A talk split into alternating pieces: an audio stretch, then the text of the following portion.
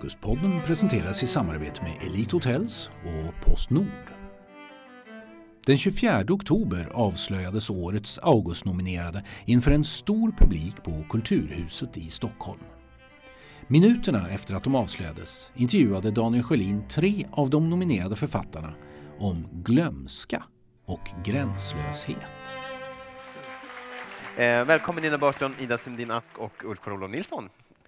Eh, Nina Burton, eh, Gutenberggalaxens Nova heter din bok. En, eh, jag tar undertiteln också. En essäberättelse om Erasmus av Rotterdam, humanismen och 1500-talets medierevolution. Eh, du, en Nova, vad skiljer det från en supernova?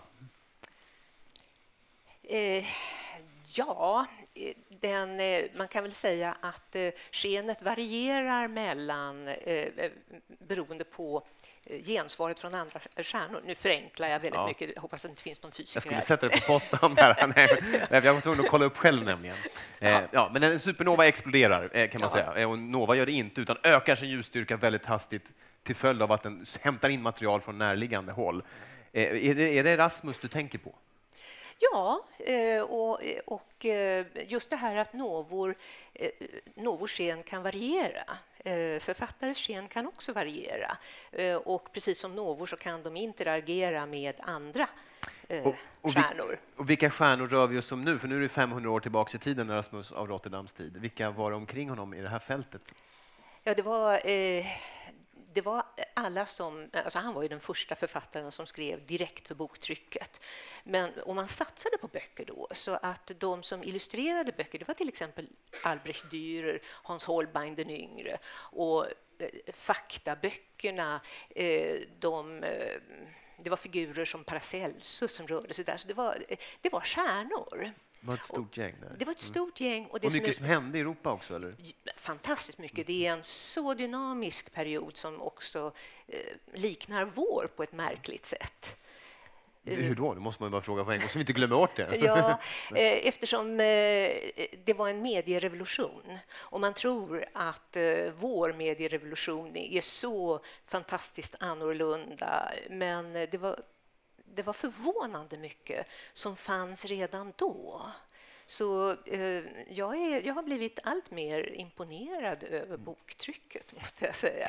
Vi kanske inte ska vara så kaxiga här bara för att vi sitter i tv just nu. Alltså, det är inte det Välkommen Ida Sundin Asp. Eh, du är debutant både som författare och illustratör. Stämmer ja, mm. det stämmer bra. Eh, bra, får man säga. Grattis. Ja, tack så mycket. Eh, och du har debuterat med den här boken som jag tycker, liksom, apropå humaniora och konst, på något vis tycker jag den här titeln sammanfattar hela poängen någonstans, eller hela essensen med humaniora och konst. Den heter nämligen Idag vet jag inte vem jag är. Eh, vem är det som inte vet? Det är morfar i boken. Och, och vad är, så att säga, en ingång är helt enkelt att han lider av demens. Ja. Men lida är kanske liksom fel ord i det här sammanhanget? Eller? Ja, han lider inte direkt, för att han är inte så medveten om det. Fast han letar ju ändå efter sig själv. Men eh, han har en ganska... Jag tror det har gått så pass långt för honom att han inte riktigt lider så mycket av det förrän han inser då när han hittar sitt barnbarn och barnbarnet försöker få morfar att minnas i boken och då kommer det till en punkt när barnbarnet säger Kommer du ihåg det här som vi gjorde igår? Och då blir morfar väldigt ledsen. Så det är liksom en dubbelhet. Det är någon slags... Eh, han är omedveten om det, men ibland så påminns han och då blir det väldigt jobbigt. Men, men fram till dess är han ju också förundrad egentligen och mm. tar emot så att säga, det, som, det som barnbarnet presenterar för honom. Ja. Eh, han är säkert stolt över att han har en cykel. Ja. är det min cykel? Mm. Eh, eh, och eh, som av en händelse som ser ut som en tanke, välkommen Ukon Ulf Karl-Olof Nilsson. Glömskans bibliotek, en essä om demens, vansinne och litteratur i fackboksklassen.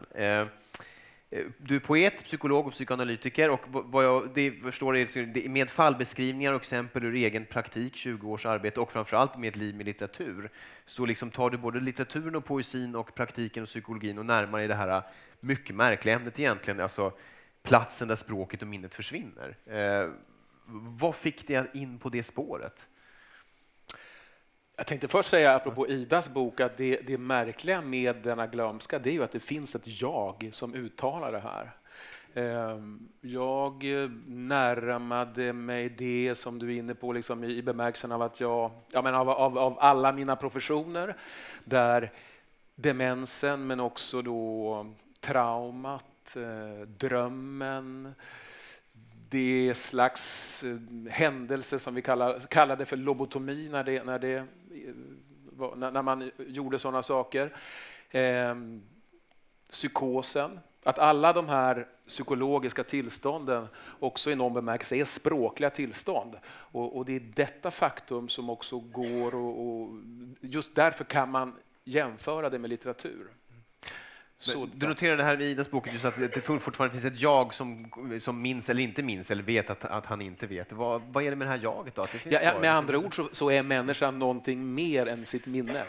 Aha. Till exempel pronomet jag eller liksom okay. gestiken eller tonen eller ja.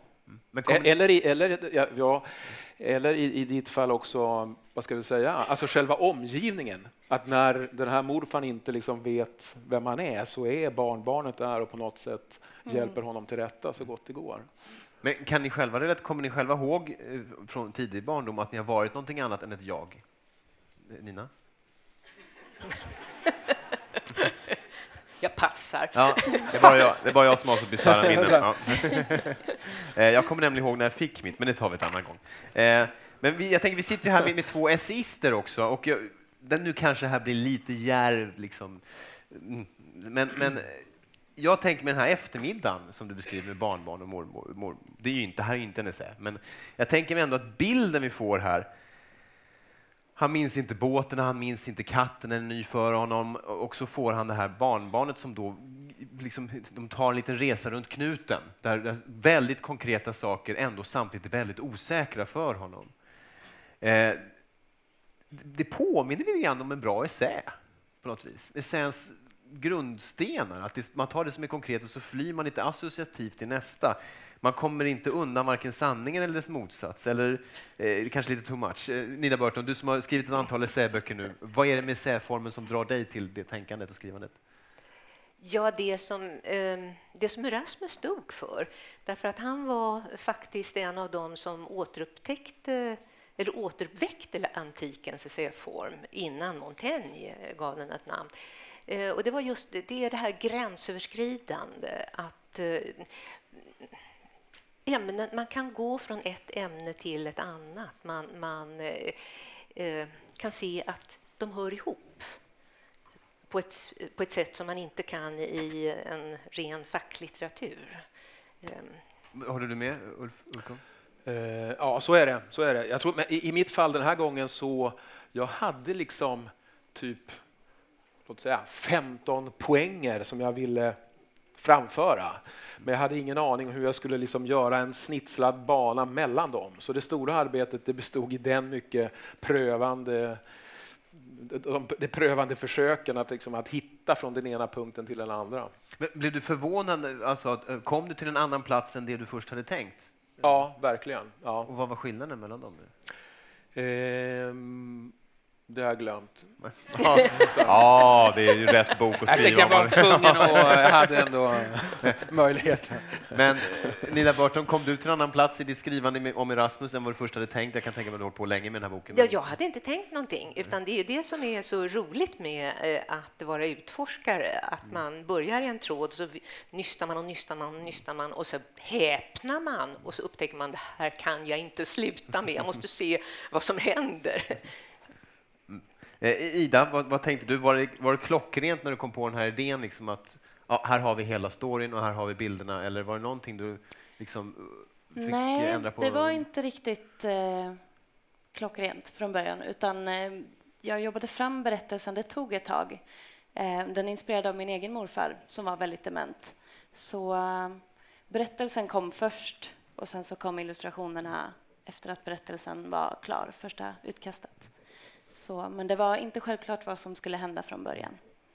Eh, men det jag avundas i framförallt den här boken är det här barnet som inte låter sin egen identitet utmanas. Alltså, barnet står så självklart i sin uppgift att med just språket som du kanske är inne på, mm. berätta åtminstone om så bara för stunden eh, vad en morfar kan vara. Mm. Eh, kan vi lära oss något av, av den inställningen? För jag själv skulle nog tänka mig att äh, men om, om mina föräldrar skulle bli jättedementa och inte komma ihåg mig så skulle det bli en e- egen kris för mig. Vem är jag då? Och såna saker. Eller? Mm. Kan vi lära oss något av det här barnet? Ja, absolut. Jag tror att barnet också, i boken i alla fall, lägger inte in så mycket som kanske en äldre person hade gjort. Alltså, eh, jag tror att det kan bli väldigt jobbigt för att eh, man har känt den här personen väldigt länge och den börjar tyna bort. Eh, och man kanske börjar tänka på sig själv och tänka kommer jag också förlora minnet när jag blir gammal? Men barnet ser det liksom eh, på ett enklare sätt.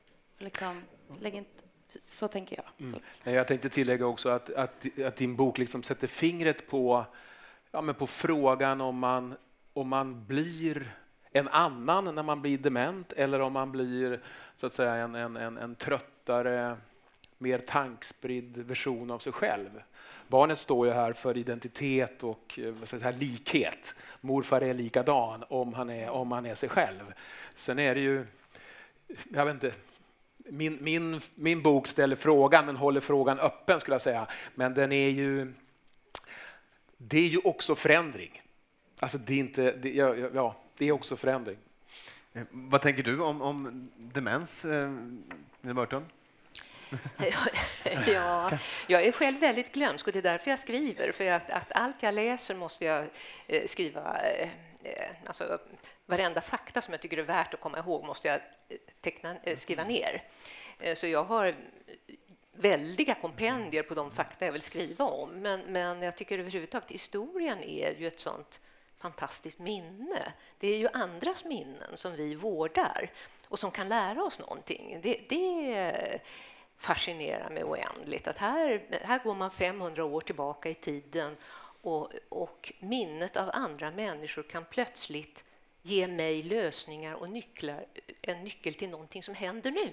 Att det, att det, ja, det gäller också Kan du ge något exempel på Ja, renässanshumanismen, jag tycker den är väldigt giltig idag. För att det, var inte bara, det gällde inte bara kultur, skapande och pedagogik, alltså sånt som vi diskuterar nu, utan också eh, medmänsklighet och samtal över åsiktsgränserna som vi också diskuterar nu.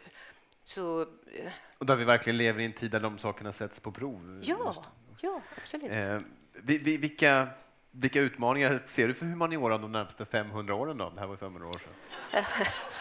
ja, eh, alltså, jag eh, är väldigt förtjust i 1500-talets eh, humanister för att de, var, humanismen då var så bred, så den var, den var egentligen bredare än det vi kallar för humaniora nu. Och det, den, var, den var ett skapande gäst i samhället. Och det tror jag att det, det, är bra att komma ihåg. Att den satt ihop med ett större, mycket större sammanhang? Ja, dels att den satt ihop med ett större sammanhang, men också hur, äh, att den var... Äh, att den påverkade så mycket, den satte igång så mycket äh, och var så viktig i många avseenden. Det var ett briljant svar på en helt omöjlig fråga. Tack så mycket. Jag vill svara också på det. Jag tror att, att humanioras största utmaning de närmaste 500 åren är vad kommer att ske med bokstaven? Oh. Kom ihåg att det var jag som sa det först. Ida, vad säger du något eller passar du? Jag passar. Ja. Hörrni, tack så mycket för att ni är här ikväll.